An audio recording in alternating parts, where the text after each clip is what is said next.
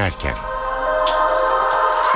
İyi akşamlar. Eve dönerken haberler başlıyor. Ben Tayfun Ertan. Her akşam olduğu gibi bu akşam da günün haberleri ve yorumlarıyla saat 19.30'a kadar sizlerle beraber olacağız.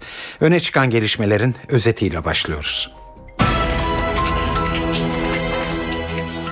Boston Maratonu'na bombalı saldırı düzenleyen iki kardeşin kimlikleri belirlendi. 2001 yılında Dağıstan'dan Amerika'ya göç eden ailenin çocukları olan bombacılardan biri öldürüldü, diğerinin de her an ele geçirilmesi bekleniyor. Ailenin 2003 yılında Türkiye'de de 10 gün kaldığı anlaşıldı. Başbakan Erdoğan, Akil İnsanlar grubunun hafta içinde Kayseri ve Zonguldak'ta protesto edilmeleriyle ilgili olarak bugün MHP'ye sert eleştiriler getirdi. Emek sineması protestolarında gözaltına alınan 4 kişinin 2 yıldan 6 yıla kadar hapisle cezalandırılmaları istendi. YÖK, alan fakülteleri için pedagojik formasyon uygulamasının devamına karar verdi. Böylece fen ve edebiyat fakülteleri öğrencilerinin öğretmen olabilmelerinin önü açılmış oluyor. Tepkiler sonuç verdi. Almanya'daki neonazi davasını Türk gazeteciler de izleyebilecekler. Türk basınına en az 4 kişilik yer ayrılıyor. NASA'nın üzerinde yaşanabilecek gezegen arayışı olumlu sonuç verdi. NASA'nın gezegen avcısı Kepler Uzay Teleskopu tıpkı Dünya gibi canlılar için yaşamın mümkün olduğu iki yeni gezegen tespit etti. Sorun oraya nasıl gidileceği.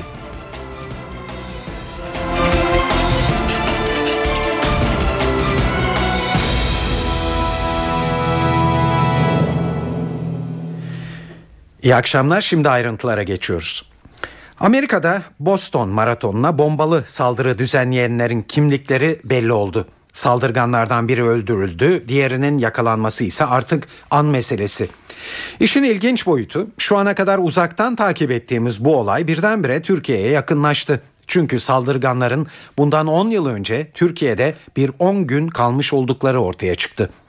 Buna birazdan dönmek üzere önce Boston'daki son gelişmeleri verelim sizlere. 3 kişinin hayatını kaybettiği, 176 kişinin yaralandığı saldırıları 2001 yılında Dağıstan'dan Amerika'ya göç eden bir aileden iki kardeşin düzenlediği anlaşıldı.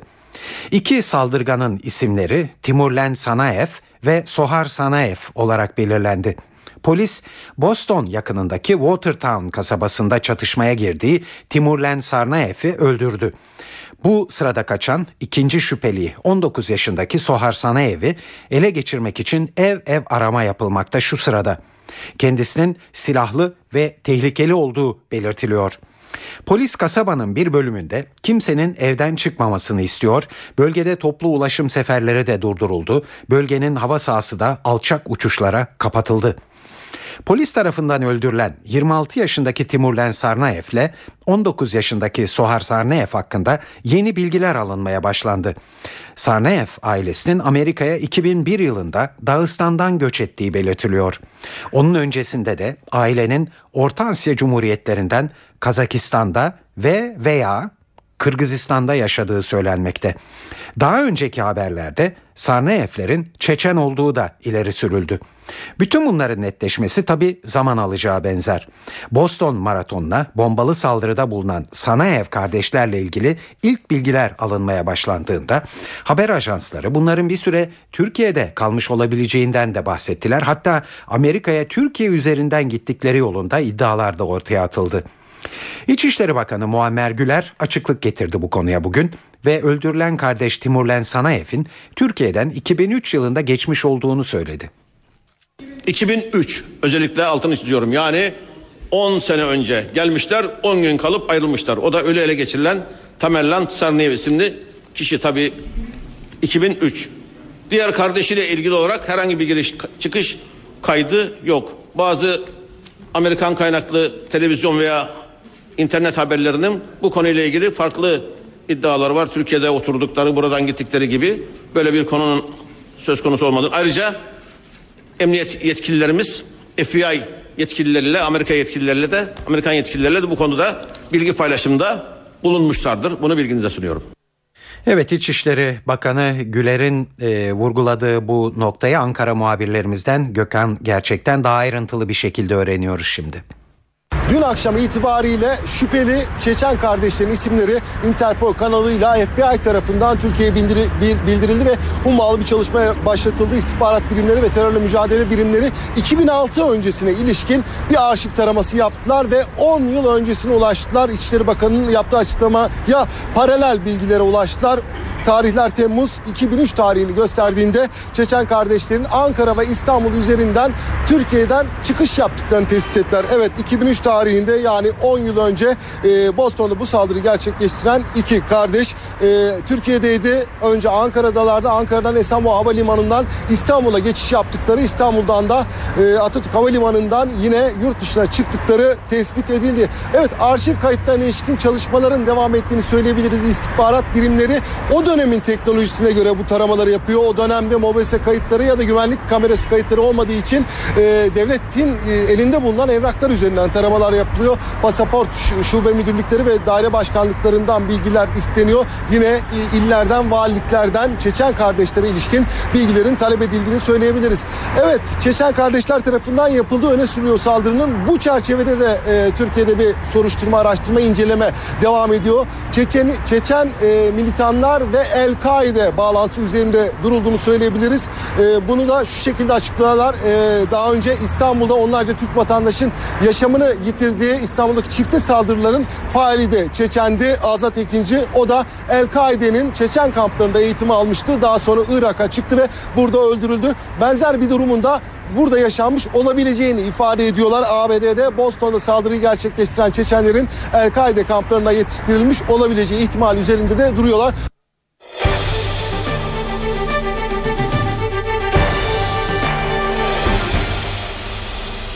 Akil İnsanlar grubunun hafta içinde Zonguldak ve Kayseri'de protesto edilmeleri bugün Başbakan Erdoğan'ın AKP'nin genişletilmiş il başkanları toplantısında yaptığı konuşmanın dikkat çeken bir yönüydü. Erdoğan bu bağlamda açık bir şekilde MHP'ye eleştiriler getirdi. Daha sonra eleştirilerini genelleştirerek terör bittiğinde muhalefet partilerinden geriye bir şey kalmayacağını ileri sürdü. Bir avuç çapulcunun çeşitli illerde akil insanlar heyetine yönelik saldırılarını biz sabırla takip ediyoruz. Kim ki 1980 öncesi manzarayı bugüne taşımaya kalkışırsa bedelini hukuk karşısında en ağır şekilde öder. Devlet Bahçeli şu anda sokakları tahrik etmek, 1980 öncesi manzaraları bugüne taşımak için elinden geleni yapıyor. Terör vurdu, MHP istismar etti, sorun büyüdü. CHP genlerine işlemiş o ceberut, o asimilasyoncu, o inkarcı zihniyeti yaşattıkça sorun büyüdü. İşte CHP'nin o zihniyeti varlığını sürdürdü. Terör olduğu için BDP ortaya çıktı. BDP var olduğu için terör varlığını idame ettirdi. Bu ülkenin gündeminden terörü çıkardığımızda CHP, MHP ve BDP'nin bu yönetimlerle, bu söylemlerle, bu politikalarla ayakta kalabilmesi asla ve asla mümkün değildir. Akil insanlar Doğu Anadolu bölgesi heyetinin bugünkü durağı Şırnak'tı. Cizre'de esnaf ziyaretlerinde bulunan heyet bölge halkının sorunlarını dinledi. Bir vatandaşın biz neden kendi dilimizi kullanamıyoruz ve köyümüze gidemiyoruz demesi üzerine heyet üyesi Kezban Hatemi sürecin sona ermesiyle bundan sonra herkes kendi köyüne gidebilecek diye konuştu. Heyetin bugünkü temaslarını Diyarbakır temsilcisi Nizamettin Kaplan'dan öğreniyoruz. Akil insanlar heyeti öğlen saatlerinde Cizre'ye geldiler ve öncelikle sokakta vatandaşlarla buluştular. Burada tabii ki barış e, talepleri, kan dursun talepleri, silahlar sussun talepleri öne çıktı. İsterseniz vatandaşların e, taleplerinden bazı başlıkları sunalım. Sonra heyetten e, başkan yardımcısı, e, başkan vekili Kezban Hatemi'nin yanıtlarını da e, sizlerle paylaşalım. E, herkes sulh barış istiyor ama iki tarafından mağdur olmaması şartıyla bir vatandaşın e, çağrısı buydu. Yine heyete bir çay e, ocağında çay veren e, İsmail adında bir genç e, bir çay sonra askerdeyim dedi. E, çayı verirken yani e, artık son çaylarını dağıttığını belirtti ve askere gideceğini söyledi. Yine bir vatandaş vurulan insanların cesetlerinin artık art sırtında şehirlerine gelmesini istemiyoruz. E, dedi. E, bir vatandaş da dinimiz, camimiz, kitabımız bir neyi paylaşamıyoruz dedi. E, ülkenin sınırlarının değil beyinlerindeki beyinlerdeki ön yargıların değişmesini istiyoruz. Karadeniz'de Kürtçe konuştuğum için toplumdan dışlandım. Benim suçum ne? 20 yıldır köylerimize gidemiyoruz. Artık köylerimize gitmek istiyoruz. Bunlar Cizre'de sokaklardan yükselen taleplerdi. E, heyet üyeleri bunları can, kula can kulağıyla dinledi ve notlar aldı. Kezban Atemi daha sonra bu bütün söylenenlere yanıt verdi. Biz bu kanı durdurmak istiyoruz. Ana dilde konuşmak bir insanlık hakkıdır. Allah tarafından bahşedilmiştir. Kimsenin de lütfuna ihtiyaç yoktur. Türk milliyetçiliği de Kürt milliyetçiliği de kötüdür. Bu bir insanlık virüsüdür. Bu virüsten kurtulmamız lazım. Herkes köyüne de yoluna da gidecek dedi Kezban Hatemi. Heyet üyeleri şu anda Şırnak Barosu'nun üyeleriyle buluşmuş durumdalar. Şırnak Baro Başkanı Nüşirevan elçi e, heyetle buluşmada kısa bir değerlendirme yaptı ve bu süreçte kendilerinin üzerine ne düşerse e, yapmaya hazır olduklarını belirtti. Evet Cumhurbaşkanı Abdullah Gül de sürece destek vermek amacıyla Doğu Anadolu bölgesinde temaslarda bulunuyor. Abdullah Gül'ün bugünkü durağı Bingöl'dü. Cumhurbaşkanı herkesin yapılan çalışmaları takip etmesi ve yapıcı olması gerektiğini söyledi. Gül, Türkiye Cumhuriyeti vatandaşları olarak hepimiz birbirimizin kardeşi olduğunu hatırlayalım ve bunu pekiştirelim dedi. Hepimiz birbirimizin kardeşiyiz. Hiçbirimizin elinde değil. Nerede doğduğumuz, Türk, Kürt, Zaza veya neyse bunlar bizim elimizde değil. Ama hepimiz Türkiye Cumhuriyeti'nin asil vatandaşlarıyız. Bu memleket hepimizin ve Türkiye'nin her tarafı hepimize aittir. Hepimiz nereyi istersek oraya gidip orada yerleşebilip orada yaşarız, orada kazanırız. Onun için memleketimizin kıymetini bilmemiz lazım. Bu halkın devletine, milletine bağlılığında hiçbir tereddüdüm yok. Bazı sıkıntılarımız, bazı zorluklarımız vardır. Hep beraber inanç içerisinde, hep beraber kardeşlik ruhuyla bunların hepsini yapacağız. Cumhuriyet Halk Partisi Genel Başkanı Kemal Kılıçdaroğlu, çözüm süreciyle ilgili görüş ayrılıkları ve Gülseren Onanç'ın Genel Başkan Yardımcılığı görevinden istifasının ardından CHP içinde ayrışma yaşanıyor yorumlarına tepki gösterdi. Kılıçdaroğlu, CHP'nin bölünme gibi bir kaygısı yok dedi. Kılıçdaroğlu, teröre çözüm sürecinde tüm partililere sorumlu davranmaları çağrısında bulundu. CHP Genel Başkanı'na Abdullah Öcalan'ın CHP'nin çözüm sürecine dahil olması yönünde yaptığı çağrı da soruldu. Kılıçdaroğlu bu soruyu lütfen Tayyip Erdoğan'a sorun, onun muhatabı o, ben değilim şeklinde konuştu.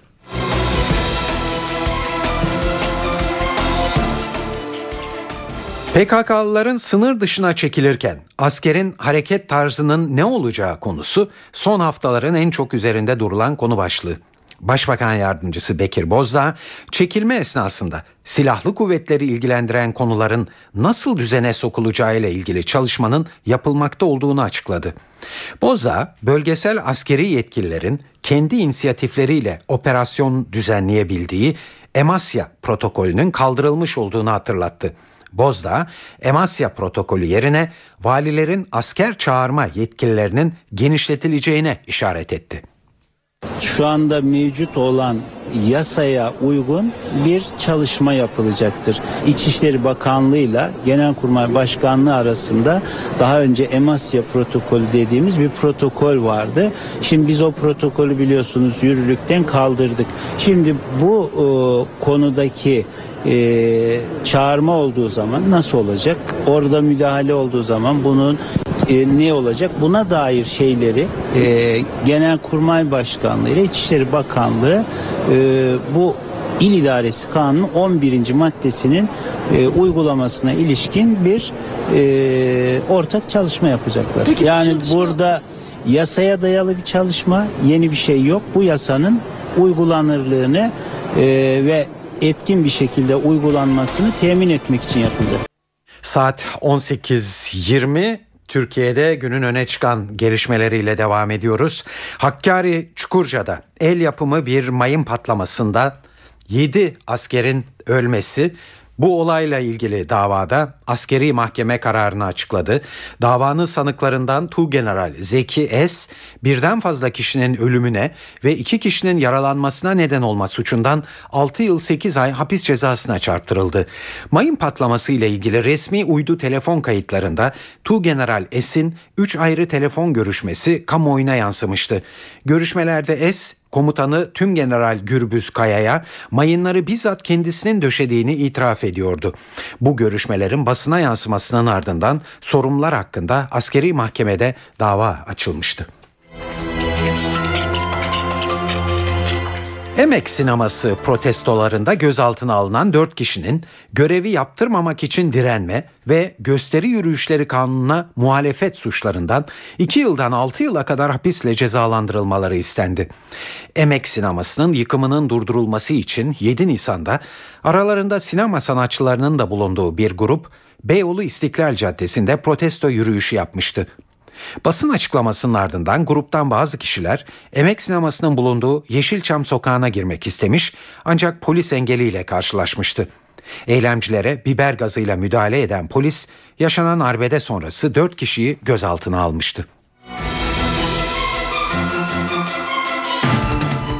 İçişleri Bakanı Muammer Güler'in bu yılki 1 Mayıs kutlamalarının çalışmalar nedeniyle Taksim'de yapılmasına izin vermeyecekleri yönündeki açıklamasına sendikalar tepkili. Diskin ardından Türk İş'te 1 Mayıs'ta Taksim'de olabilmek için valiliğe başvurdu. Sendikalar Taksim'deki çalışmaların sıkıntı yaratacağını kabul etmekle birlikte kutlamayı burada yapmakta ısrarcı görünüyorlar. DİS Genel Başkanı Kani Beko'nun ifade ettiği gibi. Biz orada Taksim'deki tabii ki fiziki koşulları bizim için bir handikap. Ancak 1 Mayıs Birlik Dayanışma Mücadele Günü'ne engel olacağını e, sanmıyorum. Taksim bizim için e, çok önemli. Arkadaşlarımızın e, katillerinin e, bulunması, adalete teslim edilmesi e, için biz orada olacağız. E, ondan dolayı e, 1 Mayıs Birlik Dayanışma Mücadele günümüzü demokratik Kürt örgütleriyle, meslek odalarıyla, kardeş sendikalarımızla e, Taksim alanda kutlayacağız. Biz Taksim alanını gördük. Fiziki koşulları biraz evvel söyledim. Gerçekten bir handikap var. Ama bunu da dikkate alarak e, kitlemizle birlikte Taksim alandaki kutlamaları e, yaparken önlemleri de biz orada konfederasyon olarak diğer konfederasyonlarımızla birlikte e, alacağımızı sanıyorum. YÖK Genel Kurulu toplantısında Fen Edebiyat Fakültelerini tercih edeceklere yönelik bir karar alındı. YÖK, alan fakülteleri için pedagojik formasyon uygulamasının devamına karar verdi. YÖK'ün bu kararıyla Fen ve Edebiyat Fakülteleri öğrencilerinin öğretmen olabilmelerinin önü açılmış oluyor. Kararı YÖK Başkanı Ali Demir açıkladı. Fen Edebiyat, Güzel Sanatlar gibi alan fakültelerine e, formasyonlarında bir e, bir senelik bir müddetlik bir durdurma e, kararı almıştır. Bu da çok tartışıldı kamuoyunda. Bu e, tartışmaların ışığında da e, formasyonun Milli Eğitim Bakanlığımızın belirlediği alanlarda tamamen serbest olmasını ve eskiden olduğu gibi devam etmesini, bu sene üniversite tercihinde bulunacak öğrenci kardeşlerimiz de dahil olmak üzere, geçen sene girenler de dahil olmak üzere, okuyanlar da dahil olmak üzere herkes için eskisi gibi e, devam etmesini kararlaştırdık.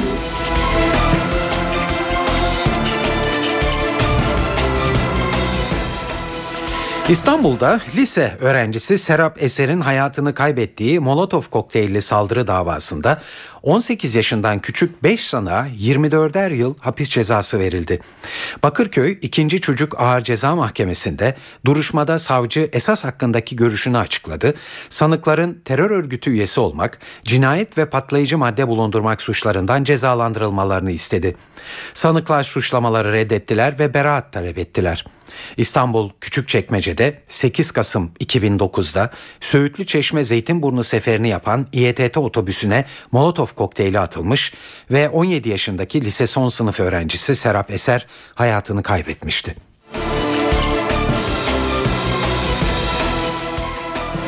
NTV 8. Cumhurbaşkanı Turgut Özal'ın ölümüyle ilgili olarak eşi Semra Özal'ın savcılığa verdiği ifadeye ulaştı. Semra Özal ifadesinde Kartal Demirağ tarafından düzenlenen suikasti ve Özal'ın son gecesine anlattı. Semra Özel 15 yıl önce kendisine iletilen bir notu 8. Cumhurbaşkanı Turgut Özal'ın ölümüyle ilgili soruşturmayı yürüten savcıya açıkladı. Semra Özal'ın savcılık ifadesinde yer alan açıklamalarını stüdyoda seslendirdik. Eşim öldükten 5 yıl sonra İstanbul'da oturduğum evime benim bulunmadığım bir sırada bir şahıs gelmiş. Şahıs kapıdaki korumalara mutlaka Semra Hanım'ı görmem lazım demiş. Dışarıda olduğumu söyleyince şimdi size verdiğim şu notu bırakmış. Turgut Özal'ı öldürdüler. Katili Azerbaycan'da. İsmi Hasan Alioğlu'dur. Evet Semra Özal kendisine ileten notta katilin isim ve Turgut Özal ölmedi öldürüldü ifadelerinin yer aldığını söylüyor. Semra Özal notun kendisine iletilmesinin ardından hemen harekete geçtiğini ancak notta ismi yazılı olan kişinin izine ulaşılamadığını söyledi. Semra Özal Turgut Özal'ın öldüğü gün yaşananları da şöyle anlattı. Sabah 8.30 gibi kalktı. Ben kahvaltı hazırlamıştım. Eşim duş aldı ve tıraş oldu. Birlikte kahvaltı yapmak için yatak odasından çıktık. Salonla yatak arasındaki holde yürüyüş bandı, spor aletleri vardı. Oradan geçerken bugün spor yapmayacağım. Zaten duş aldım terlemeyeyim dedi. Arkamdan geliyordu. Bir anda bir ses duydum. Dönüp baktığımda eşim yüzü koyun yatıyordu. Yüzünü çevirdiğimde ağzından beyaz bir şey akıyordu. Doktor ambulans diye bağırdım. Bu sırada Deniz Yaver ve birkaç kişi eşimin koluna girip dışarı çıkardı. Ambulans diye Amerikalıların Cevdet Sunay'a hibe edilen hasta nakil aracına konuldu. Köşkün ambulansını sordum, aküsü yok dediler. Telsiz konuşmalarında eşimi Gata'ya götürdüklerini söylediler, sonra Hacettepe dediler. Ben de Hacettepe'ye gittim. Doktorlar önce uğraştıklarını, daha sonra tüm müdahalelere rağmen vefat ettiğini söylediler. Eşimin ölümünden sonra kimse otopsi yapalım mı diye sormadı.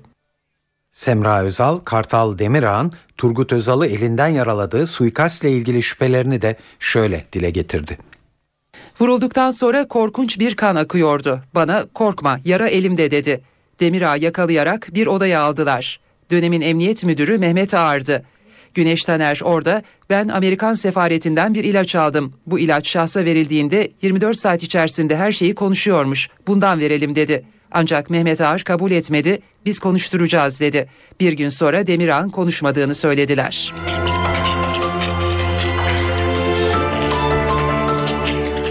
Çift kol, yüz ve rahim nakilleriyle günlerce konuşulan Akdeniz Üniversitesi bu kez başka bir alanda ama yine bir ilkle gündemde. Üniversitede ilk fotonükleer reaksiyonu deneyi yapıldı. Nedir bu deney ve hangi alanlarda kullanılıyor? Antalya muhabirimiz Sibel Atasoy bu soruları Akdeniz Üniversitesi'nden İsmail Bostos'una sordu. Evet, şimdi halihazırda zaten bu tür çalışmalar yapılmakta ve uygulanmaktadır. Yani bizim yaptığımız ülkemizde ilk olması. Evet. Şimdi mesela nerede kullanılıyor? Radyasyon onkolojisinde, e, tıpta teşhis tedavide kanser hücrelerinin dokularının tedavisinde kullanılıyor. Yine tıpta e, sterilizasyon amaçlı, ameliyat araç gelişlerin sterilizasyon amaçlı kullanılıyor. Tarımda tohum ıslahı, mesela verim artışına yönelik e, ve tohum çeşitliliğine yönelik çalışmalar yapılıyor. Yine zirai böcekle mücadelede kullanılıyor. Endüstride tahribatsız muayene amaçlı uygulamaları mevcut.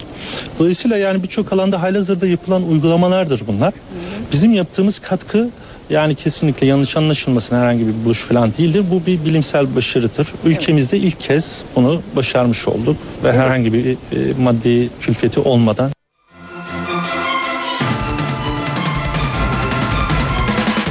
Ateşli Silahlar Kanunu'nda köklü değişiklikler yapılacak. Silah ruhsatı almaya eğitim şartı geliyor. Düğün ve eğlence yerlerinde silah bulundurulması yasaklanacak.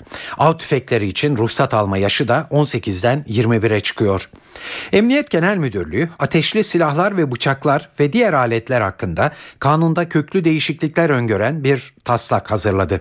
Ayrıca alkol ve uyuşturucu kullanmış şekilde silah taşıyanların ruhsatı alınacak hem de ceza verilecek. Silahlar için reklam ve tanıtım da yasaklanıyor. Kamu hizmet binalarına silahla girmek bundan böyle mümkün olmayacak. Kuru sıkılar gerçek silahlardan ayırt edilebilecek şekilde işaretlenecek. İçişleri Bakanlığı trafik kanununda değişikliğe gidiyor. Düzenlemeye göre alkol metreye üflemek istemeyen sürücü alkol tespitini kendisi yaptıracak. Alkol muayenesi sırasında sorun çıkaran sürücüler kan tahlili için istediği bir hastaneye gidebilecek. Ama bu arada ehliyetini polise teslim etmek zorunda olacak. Sürücüye tahlil için 2 saat süre verilecek. 2 saatten sonra yapılan tahlil geçersiz sayılacak. Test sonucu 7 iş günü içinde ilgili birimlere verilecek. Şu anki uygulamada sürücü alkol metreye üflemeyi kabul etmediği takdirde polis eşliğinde hastaneye götürülmekte.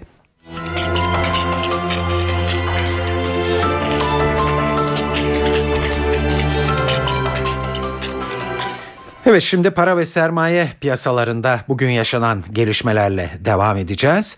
Ayrıntıları CNBC'den Enis Şener'den anlatıyor. İyi akşamlar. Küresel piyasalarda risk iştahında toparlanma var. Borsalar artıya geçmiş durumda. Avrupa'da dip seviyelerden dönen endekslerde primler %1'leri buldu. Borsa İstanbul'da da geri dönüş çabası var. Haftaya 85 bin seviyesinin üzerinde başlayan BIST 100 endeksi gelen satış baskısıyla 82 bin seviyelere çekilmişti. Bugün ise günün ikinci yarısında gelen alımlar borsayı tekrar 83 bin seviyesinin üzerine taşıdı. Analistler endeksin haftayı 83 bin üzerinde tamamlamasının gelecek hafta için olumlu bir sinyal olduğu görüşünde. Para piyasalarında Alman Merkez Bankası Başkanı Weidmann'ın açıklamaları etkiliydi. Weidmann'ın Avrupa Merkez Bankası likiditeyi kısmayı düşünürse memnun oluruz açıklaması Euro'ya alım getirdi ve Euro dolar paritesi tekrar 1.31 seviyesini aştı. TL tarafında ise paritedeki hareketliliğin etkisi hissedildi. Dolar TL 1.80'in altında kalmaya devam etse de Euro TL 2.35'i aştı. Tahvil piyasasında gösterge tahvilin faizi yatay hareketini bugün de devam ettirdi.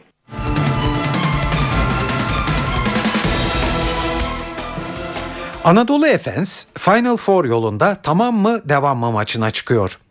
Lacivert beyazlı takım son şampiyon Olympiakos'la çeyrek final serisinin dördüncü maçında bugün Abdi İpekçi Arena'da karşılaşıyor. İlk iki maçta 2-0 geriye düşen, üçüncü maçı kazanan Efes Pilsen bu gece de galip gelirse durumu 2-2 yapacak. Bu durumda Londra'daki Final Four'a gidecek takımı belirleyecek son maç gelecek hafta Atina'da oynanacak. Maçı bu akşam Olympiakos kazanırsa seriyi 3-1 bitirerek Final Four yolunu tutacak şimdiden. Anadolu Efes'le Olympiakos arasında saat 20'de başlayacak maçı NTV Spor'dan naklen izleyebilirsiniz.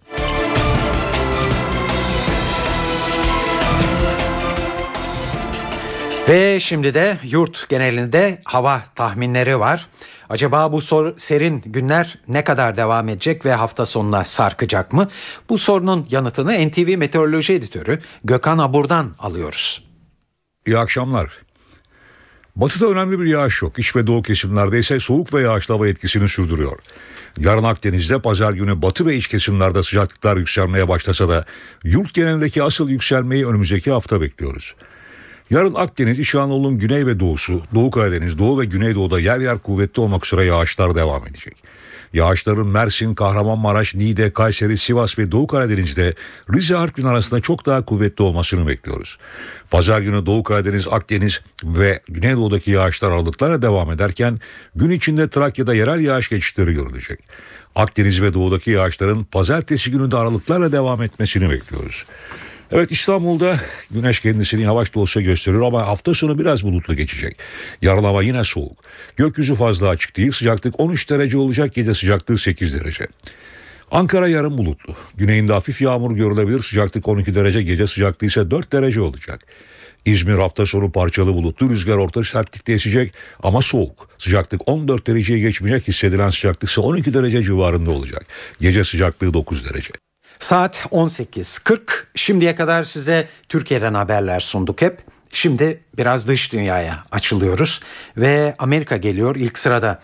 Teksas'ta gübre üreten bir kimya fabrikasında meydana gelen patlamada ölenlerin sayısı 14'e ulaştı.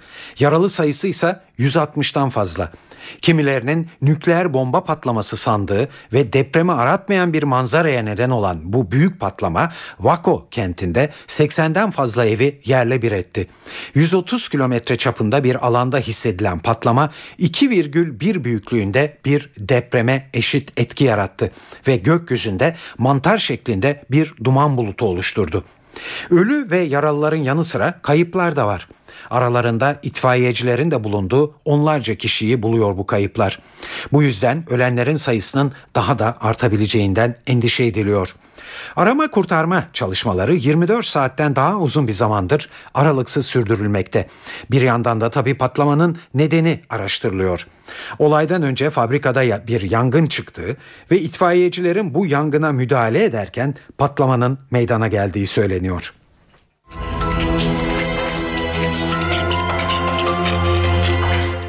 Time dergisinin yılın en etkili 100 kişisi listesi açıklandı. Listede liderler kategorisinde Fethullah Gülen ve Abdullah Öcalan isimlerine de rastlanıyor.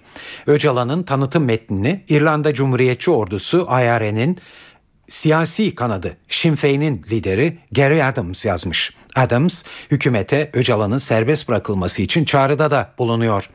Fethullah Gülen'in tanıtımına ise Hilal ve Yıldız İki Dünya Arasında Türkiye kitabının Amerikalı yazarı Stephen Kinzer kaleme almış. Fethullah Gülen merak uyandırıcı bir dini lider olarak tanımlanmakta.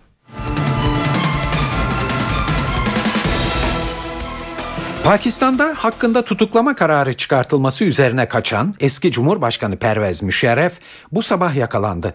Müşerref'in başkent İslamabad yakınlarındaki bir çiftlik evine sığındığı anlaşıldı. Polis eski Cumhurbaşkanını mahkemeye götürdü. Mahkeme Müşerref'in hapse mi gireceğine yoksa ev hapsinde mi tutulacağına karar verecek. Ayrıntıları İslamabad muhabirimiz Fakur Er-Rahman'dan öğreniyoruz. Evet, Pakistan'ın sabık devlet başkanı ve genelkurmay başkanı Pervez Müşerref bu sabah polis tarafından tutuklanarak İslamabad'daki bir mahkemeye çıkarıldı. Mahkeme Müşerref'in iki günlüğüne gözaltına alınıp ve daha sonra da terörle mücadele mahkemesi önüne çıkarılmasını emretti. Müşerref başkent İslamabad'daki çiftlik evinden polis karakoluna polis tarafından e, yoğun koruma altında götürüldü ve Müşerref'in geceyi karakolda e, geçireceği e, polis e, yetkililer tarafından belirtildi. Yarın sabahda e, Pervez Müşerref'in terörle mücadele mahkemesi önüne e, çıkarılması bekleniyor. E, Müşerref'e karşı e, terörle e, terör bizim suçlaması var. Ayrıca 2007'de e, Pakistan Anayasa ve Yüksek Mahkeme yargıçlarını görev dışı ederek onları ev hapsine e, koymak ve anayasayı çiğneme e, suçlamaları var. Ayrıca vatana ihanet suçlaması da Müşerref'e karşı var. Bir sürü e, mahkeme davalar Müşerref'e karşı açılıyor. Bunun içinde benzer cinayet davası da Müşerref'e karşı açılmış durumda. Tepkiler sonuç verdi. Türk gazeteciler de Almanya'daki neonazi davasını izleyebilecek. Münih Eyalet Mahkemesi'nin 6 Mayıs'ı ertelediği neonazi davasında Türk basın mensuplarına en az 4 kişilik yer ayrılacak. Bugün yapılan açıklamada 4 Türk, bir Yunan ve bir İranlı gazetecinin davayı izlemesinin sağlanacağı belirtildi. Ayrıca 3 yabancı ajansa da yer açıldı. Almanya'daki yabancıları hedef alan aşırı sağcı Nasyonel Sosyalist Yeraltı Hücresi davasının ilk duruşmasının 17 Nisan'da yapılması planlanıyordu. Ancak Anayasa Mahkemesi duruşmaları Türk gazetecilerin de izlemesi gerektiğine karar verdi ve dava 6 Mayıs'a bırakıldı. NASA'nın üzerinde yaşanabilecek gezegen arayışı olumlu sonuç verdi. NASA'nın gezegen avcısı Kepler Uzay Teleskopu tıpkı Dünya gibi canlılar için yaşamın mümkün olduğu iki yeni gezegen tespit etti. Dünyadan biraz daha büyük olan bu gezegenlere Kepler 62e ve Kepler 62f adları verildi. Ama şu anki seyahat hızımızla biraz uzaklar. Dile kolay 1200 ışık yılı. Dünya gibi onlar da kendi güneşlerine ne çok yakınlar ne de çok uzak. Ancak bu gezegenlerin güneşi dünyadakinden yaklaşık 2,5 milyar daha yaşlı, biraz daha küçük ve 7 milyar yaşında. Bu yüzden bilim adamları bu gezegenlerde eğer yaşam varsa bu yaşamın bizde olduğundan çok daha gelişmiş olması gerektiğini düşünüyorlar. Ayrıca gezegenlerden birinin Hawaii gibi sıcak, diğerinin ise Alaska gibi soğuk olduğu belirlenmiş. İki gezegenin birbirine uzaklığı da Dünya ile Mars arasındaki mesafe kadar. Tüm bu veriler bu gezegenlerin yaşam barındırma ihtimalinin yüksek olduğuna işaret ediyor. Peki ama buraya nasıl gideceğiz? Önce ışık hızında hareket edebilmemiz lazım yoksa hiçbir şansımız yok. Şu anki hızımızla bırakın 1200 ışık yılını tek bir ışık yolu kat edebilmemiz için milattan önce 3000 yılında yola çıkmış olmamız gerekirdi.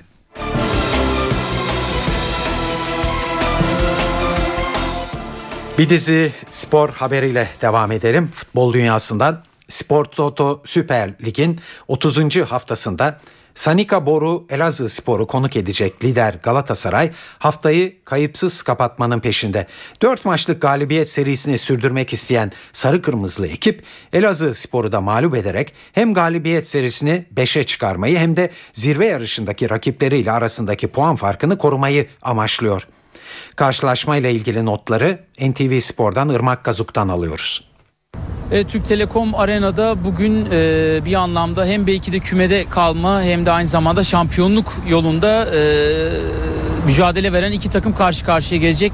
Lider Galatasaray en yakın rakibi Fenerbahçe ile arasındaki puan farkını korumak ya da daha da yukarıya çekmek adına bugün sahaya çıkarken konuk takım Sanika Boru Elazığ Spor'sa düşme hattından biraz daha uzaklaşarak bir anlamda e, Yılmaz Vural oyuncularını biraz daha son haftalarda rahatlatmak amacıyla sahaya sürecek ve ev sahibi Galatasaray'dan başlayalım. E, şampiyonluk yarışında artık son haftalara girildi. Galatasaray'da cezalı futbolcuların büyük kısmının aslında bugün cezasını tamamladığını ve formasına kavuşabileceğini söyleyebiliriz. E, Dani'nin, Amrabat'ın ve Sabri'nin cezaları sona erdi ama bunun yanı sıra teknik direktör Fatih Terim ve e, Ümit Davala'nın e, Hasan Şaş'ın cezasıyla devam ediyor. Karabükspor karşılaşmasında hatırlanacağı gibi takımın başında 3 isim cezalı olduğu için Claudio Tafarel yer almıştı ama bugün Tafarel'e Ümit Davala eşlik edecek. Galatasaray'daki önemli gelişmelere değinecek olursak Galatasaray'da Snyder'in bugün sakatlığından dolayı forma giyme ihtimali şu an için düşük gibi gözüküyor. Bir diğer durumu belirsiz olan Hakan Baltan'ın da geçtiğimiz saatlerde teknik eğitim ve sağlık ekibinin e, ortak çalışması sonrasında kadrodan çıkarıldığı bilgisinde bir not olarak izleyicilerimize aktarabiliriz. Konuk takım Sanika Boru Elazığ Spor'a bakacak olursak e, düşme hattından uzaklaşma e, savaşı verdiğini söylemiştik az önce. 35 puanla 13. sırada bugün bu önemli mücadele öncesinde Yılmaz Vural'ın takımı ve Yılmaz Vural'ın takımında da e, önemli eksiklerin olduğunu da söyleyelim. Notlarımıza baktığımızda Orhan Adem Kuyeviç ve Jervis'in bugün e, sakatlıklarından dolayı Galatasaray'a karşı forma giyemeyeceğini söyleyeyim. Futbolda sezon ilerledikçe hakemler tarafından tribüne gönderilen teknik direktörlerin sayısı artıyor. Fatih Terim'den sonra şimdi de kupa yarı finalinde Trabzonspor'la oynanan ilk maçta Sivas Spor Teknik Direktörü Rıza Çalınbay ceza aldı. Çalınbay içini NTV Spor'a döktü ve son haftalarda üst üste hakem hatalarına maruz kaldıklarını ileri sürdü. Özellikle dördüncü hakemlerin tutumundan yakındı. Oyundan e, tribüne gönderilmem bana göre çok büyük bir hata, çok büyük bir yanlış, çok büyük bir haksızlık bu. Yani çünkü ben hiçbir hakem arkadaşımıza ne bir kötü bir söz söyledim, ne bir kötü davranış yaptım, ne bir hakaret yaptım. Hiçbir şey yapmadım. Belki yapmışsam yapmışsam maçın heyecanından dolayı belki o bizim çizgi var ya çizgiyi ayağımın bir ucuyla belki geçmişimdir yani belki o kadar. Yani onun dışında ne bir saygısızlığımız var ne bir şeyimiz var. Benim oradaki çıkmama nedenim bunu kabul edememek. Ben onu kabul edemedim. Yani ben hata yapsam bir şey söylesem kendim çeker giderim. Artı ben o pozisyonda en çok oyuncuma kızdım. Yani neden öyle bir faule girdin diye. Ona doğru bağırdım çünkü maç bitti. Bitmek üzere. Ben de oyuncu değiştiriyordum. Yani zamanda öyle kullanalım diye. 90 arttı 2'deydi galiba. Ve bizim şeyimiz buydu. Demin de söyledim bunu uzatmaya bile gerek yok. E, kimse bir hakaret, bir yanlış davranma gibi hiçbir şeyimiz olmadı. E, ama e, maalesef maalesef dördüncü hakemlerin tavırları hiç iyi tavır değil. Davranışları hiç iyi bir davranış değil. Onların bize yardımcı olması gerekirken bizi daha da geriyorlar. Evet hemen bir eklemede bulunalım. E, Futbol Federasyonu Tahkim Kurulu Fatih Terim'in 9 maçlık cezasını onadı.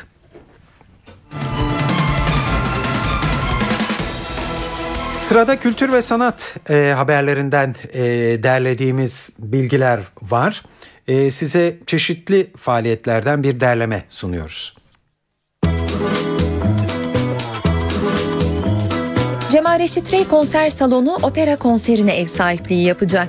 Rus Kültürü Festivali'nin kapanış konserinde Hakan Aysev, Rusya'nın genç yıldızı Yevgenia Dushina, Asude Karayavuz ve Moskova Çaykovski Devlet Konservatuarı Opera Tiyatrosu'nun başarılı sanatçısı Nikolay Efremova, Cemal Reşit Rey İstanbul Senfoni Orkestrası eşlik edecek. Performans başlama saati 20.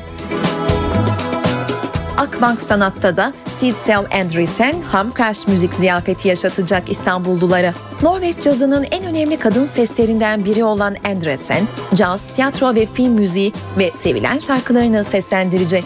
Şarkıcıya eşlik edecek olan Ham Crash grubu ise elektro caz tınılarını klavye ve davulla birleştiren deneysel bir grup. Konser saat 20'de başlıyor. Theodore, Paul and Gabriel de salon İKSV'di. Fransız folk rock grubu Paris'te 3 müzisyen kadından oluşan topluluk The Beatles, Patti Smith, Eric Clapton'dan esinlendikleri müzikleriyle 22.30'da İstanbul'da müzikseverlerle olacak. Model ise Jolly Joker'de sevenleri için bir konser veriyor. Model sevilen şarkılarıyla saat 22'de başlıyor performansına. Geveze'nin 2006 yılında kurduğu müzik grubu Fazla Mesai ise 70'ler ve 80'lerin Türkçe ve yabancı şarkılardan oluşan repertuarıyla Murphy's Dance Bar Kalamış'ta olacak bu akşam. Davulda Evren Güner, klavyede Nihat Çapoğlu, bas gitarda Burak Cemal Küçükali, gitarda Gürcan Onaran, vokalde Pınar Çubukçu ve Geveze'den oluşan Fazla Mesai'nin konuğu Zeliha Sunal. Fazla Mesai saat 23'te başlıyor performansına. Getto ise Tanita Tikaram'ı konuk ediyor bugün. Twist in My Sobriety ve Good Tradition şarkılarıyla tanınan İngiliz pop folk şarkıcısı ve şarkı sözü yazarı Tanita Tikaram saat 22.45'te müzikseverlerle buluşuyor.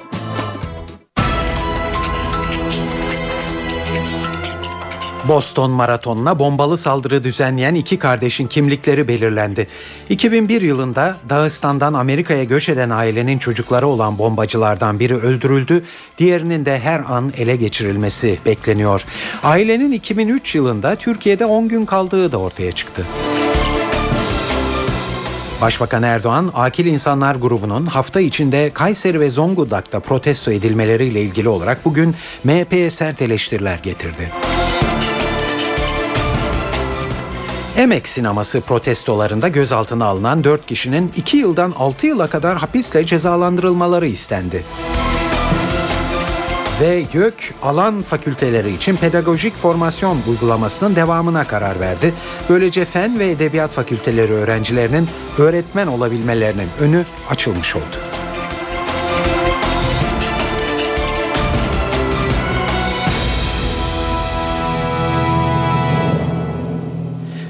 Amerika Birleşik Devletleri'nde Boston maratonuna bombalı saldırı düzenleyenlerin kimlikleri belli oldu.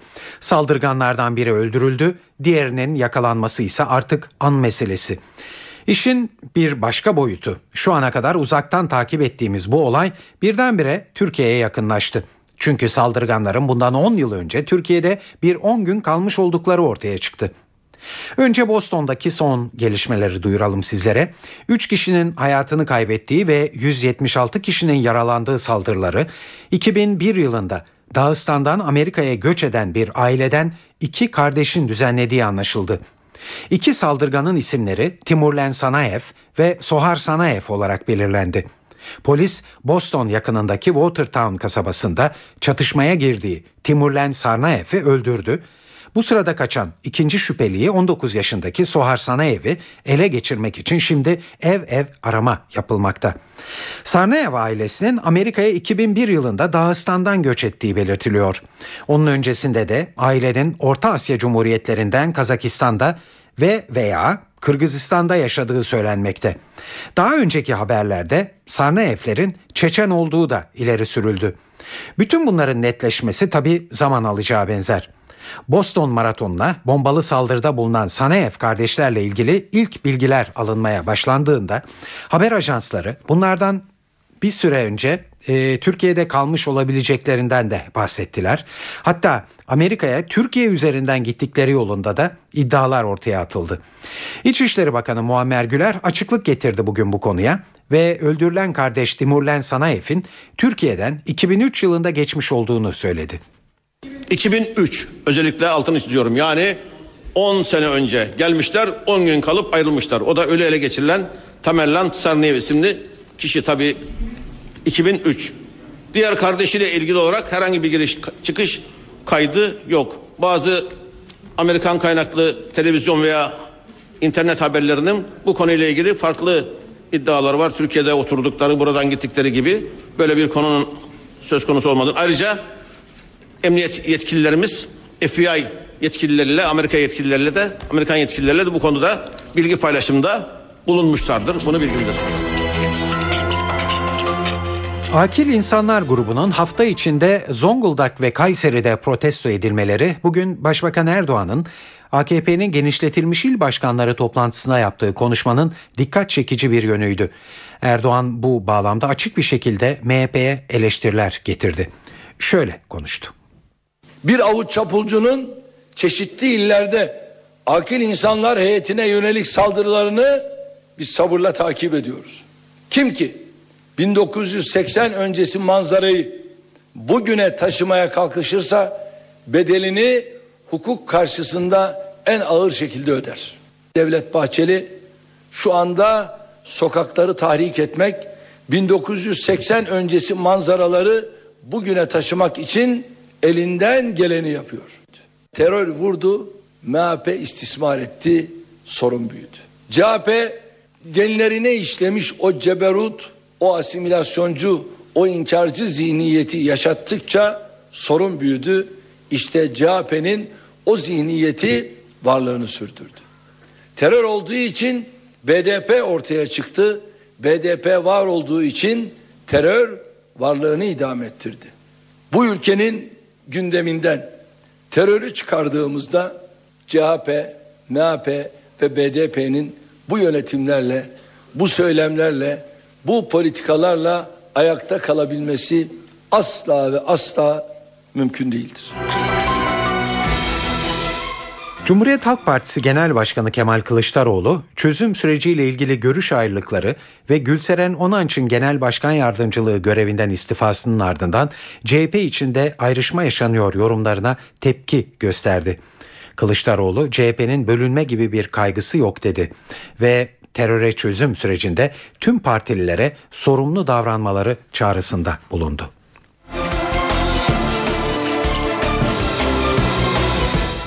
Emek sineması protestolarında gözaltına alınan 4 kişinin görevi yaptırmamak için direnme ve gösteri yürüyüşleri kanununa muhalefet suçlarından 2 yıldan 6 yıla kadar hapisle cezalandırılmaları istendi. Emek sinemasının yıkımının durdurulması için 7 Nisan'da aralarında sinema sanatçılarının da bulunduğu bir grup Beyoğlu İstiklal Caddesi'nde protesto yürüyüşü yapmıştı. Basın açıklamasının ardından gruptan bazı kişiler Emek sinemasının bulunduğu Yeşilçam sokağına girmek istemiş ancak polis engeliyle karşılaşmıştı. Eylemcilere biber gazıyla müdahale eden polis yaşanan arbede sonrası 4 kişiyi gözaltına almıştı. YÖK Genel Kurulu toplantısında Fen Edebiyat Fakültelerini tercih edeceklere yönelik bir karar alındı. YÖK alan fakülteleri için pedagojik formasyon uygulamasının devamına karar verdi. YÖK'ün bu kararıyla Fen ve Edebiyat Fakülteleri öğrencilerinin öğretmen olabilmelerinin önü açılmış oluyor. Kararı YÖK Başkanı Ali Demir açıkladı. Fen Edebiyat, Güzel Sanatlar gibi alan fakültelerine e, formasyonlarında bir e, bir senelik ve bir müddetlik bir durdurma e, kararı almıştık. Bu da çok tartışıldı kamuoyunda. Bu e, tartışmaların ışığında da e, formasyonun e, Milli Eğitim Bakanlığımızın belirlediği alanlarda e, tamamen serbest olmasını e, ve eskiden olduğu gibi e, devam etmesini, bu sene üniversite tercihinde bulunacak öğrenci kardeşlerimiz de dahil olmak üzere, geçen sene girenler de dahil olmak üzere, okuyanlar da dahil olmak üzere herkes için eskisi gibi e, devam etmesini kararlaştırdık. İçişleri Bakanlığı trafik kanununda değişikliğe gidiyor. Düzenlemeye göre alkol metreye üflemek istemeyen sürücü alkol tespitini kendisi yaptıracak. Alkol muayenesi sırasında sorun çıkaran sürücüler kan tahlili için istediği bir hastaneye gidebilecek. Ama bu arada ehliyetini polise teslim etmek zorunda. Sürücüye tahlil için 2 saat süre verilecek. Bundan sonra yapılan tahlil geçersiz olacak. Test sonucu 7 iş günü içinde ilgili birimlere verilecek. Şu anki uygulamada sürücü alkol metreye üflemeyi kabul etmediği takdirde polis eşliğinde hastaneye götürülmekte. Anadolu Efes Final Four yolunda bu gece kaderini öğrenecek. Lacivert beyazlı takım son şampiyon Olympiakos'la çeyrek final serisinin dördüncü maçında bugün Abdi İpekçi Arena'da karşılaşıyor.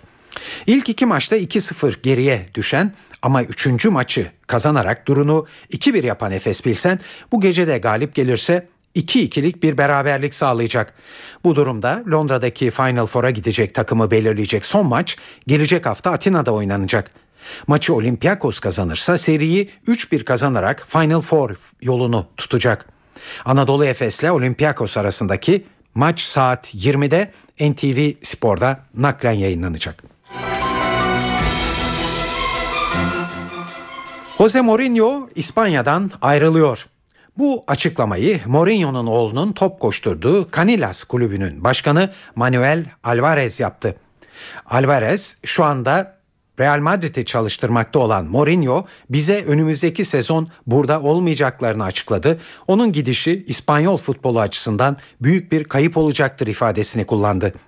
Alvarez'in bu sözleri tabii büyük yankı uyandırdı. Alvarez bunun üzerine umarım Mourinho söylediklerim nedeniyle bana kızmaz ve beni affeder diye konuştu.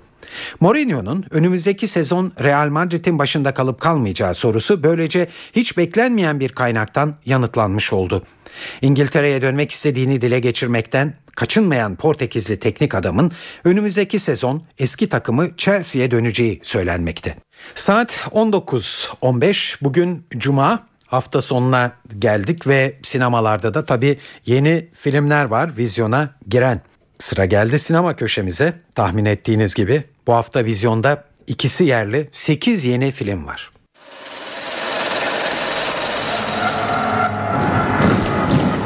Özgür, ma fille, je voudrais bien être enterré dans ma patrie. Notre patrie que tu n'as jamais vue, en Turquie. Baya senin bu cenazenin TC kimliği var mı yok mu? Sen bana onu söyle.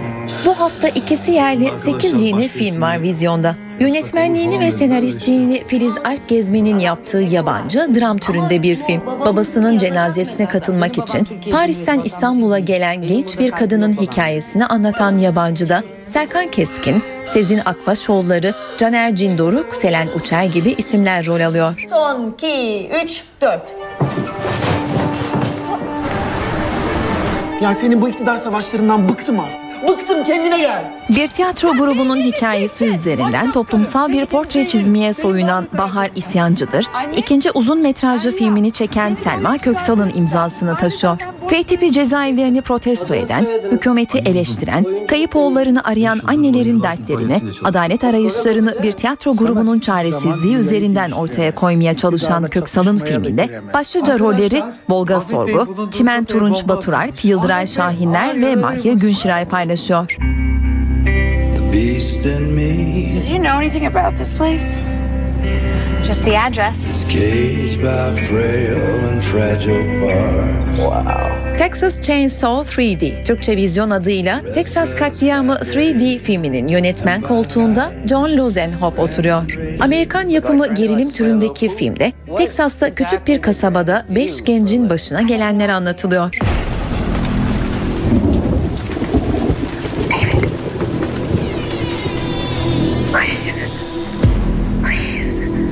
Yönetmenliğini Fede Alvarez'in yaptığı Kötü Ruh, orijinal adıyla Evil Dead'de ise Shiloh Fernandez, Jessica Lucas gibi isimler başrollerde. Korku türündeki Amerikan yapımı filmde 20'li yaşlarda 5 arkadaşın bir kulübede kapalı kalması sonucu yaşadıkları konu ediliyor. That'll put another hole in the elephant right there, boys. Aksiyon gerilim sevenler için bir film var sırada The Last Stand. Türkçe vizyon adıyla Geçit Yok'ta Arnold Schwarzenegger başrolde. Yönetmen koltuğunda Ji-Won Kim'in oturduğu filmde sınır bölgesinde şeriflik yapan Owens'ın karşısına uyuşturucu kaçakçılığı yapan ve polislerce aranan bir uyuşturucu çetesi liderinin çıkmasıyla yaşanan gelişmeler anlatılıyor.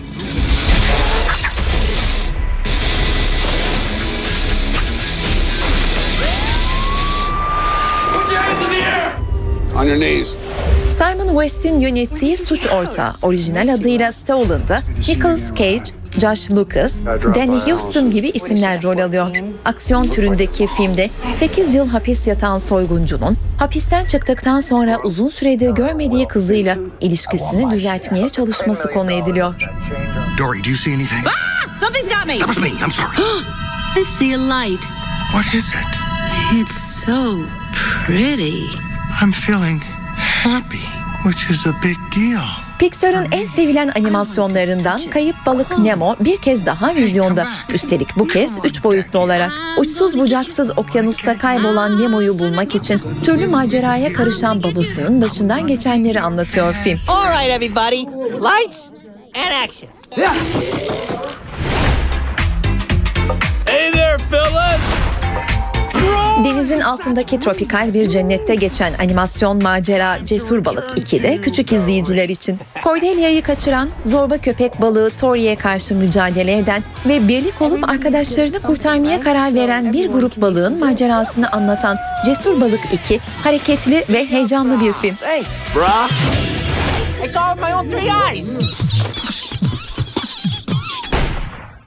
Evet haftanın yeni filmleri böyle. Şimdi de biraz kültür sanat haberlerine yer vereceğiz.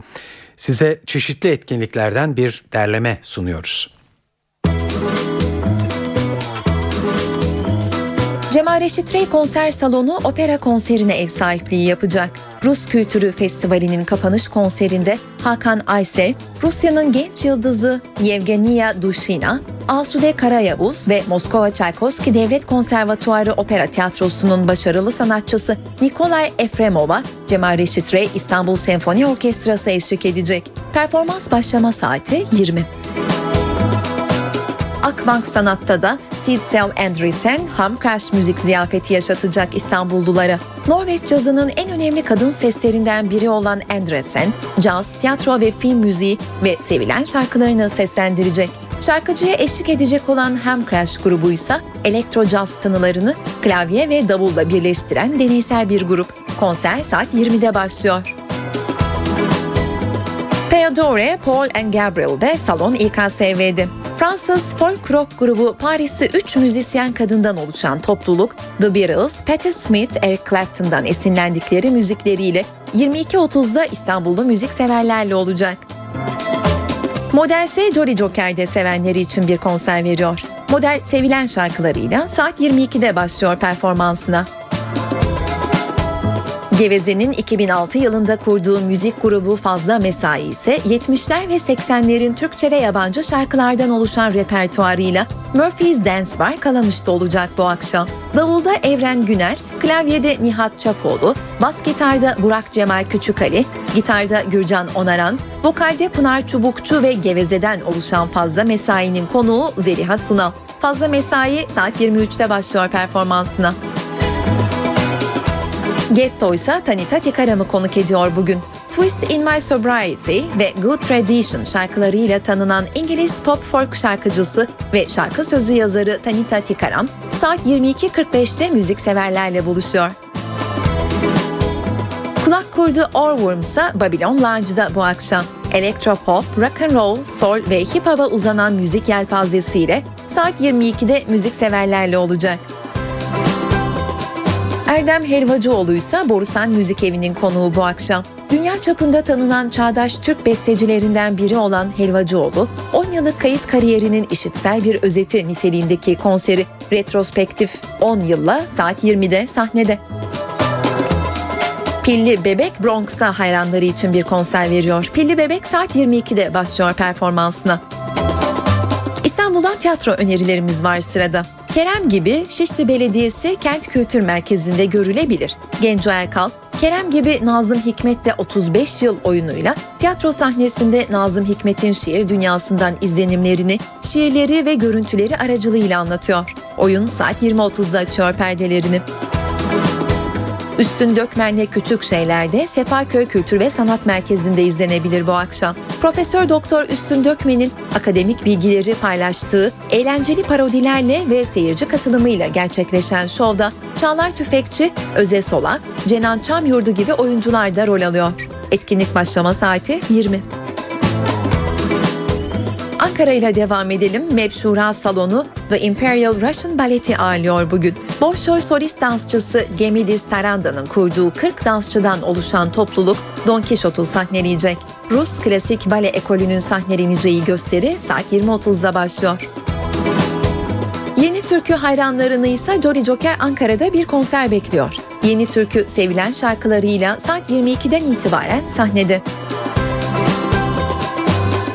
Koray Can Demir, solo albümünden şarkılarla Hayal Kahvesi Ankara'da olacak bugün. Kargo ve Maskot'ta beraber çalıştığı Serkan Çeliköz'ün eşlik edeceği sahne performansının başlama saati 23.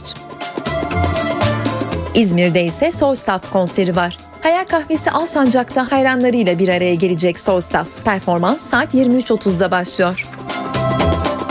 Antalya Kültür Merkezi ise Stefan Milenkovic'i ağırlıyor. Milenkovic kemanıyla saat 20'de müzikseverlerin karşısında olacak.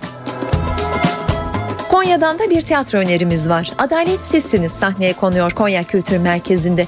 Rutkay Aziz ve Taner Barlas'ın başrollerini paylaştığı oyun saat 20'de açıyor perdelerini. Akşam evdeyseniz CNBC'de bugün Infamous adlı film var. Toby Jones ve Daniel Craig'in başrollerini paylaştığı filmin başlama saati 22. Öncesinde ise saat 19'da Revolution, 20'de The Carrie Diaries ve 21'de Merlin ekranda olacak. E2'de ise saat 23'te It's Always Sunny in Philadelphia izlenebilir. Star TV'de de saat 20'de Dila Hanım, 23'te de Behzatçı yeni bölümüyle ekrana gelecek. Eve dönerken haberler bu akşamlık ve bu haftalık burada sona eriyor. Bu yayının editörlüğünü Onur Koçaslan, stüdyo teknisyenliğini İsmet Tokdemir yaptı. Ben Tayfun Ertan. Hepinize iyi akşamlar ve iyi bir hafta sonu diliyoruz.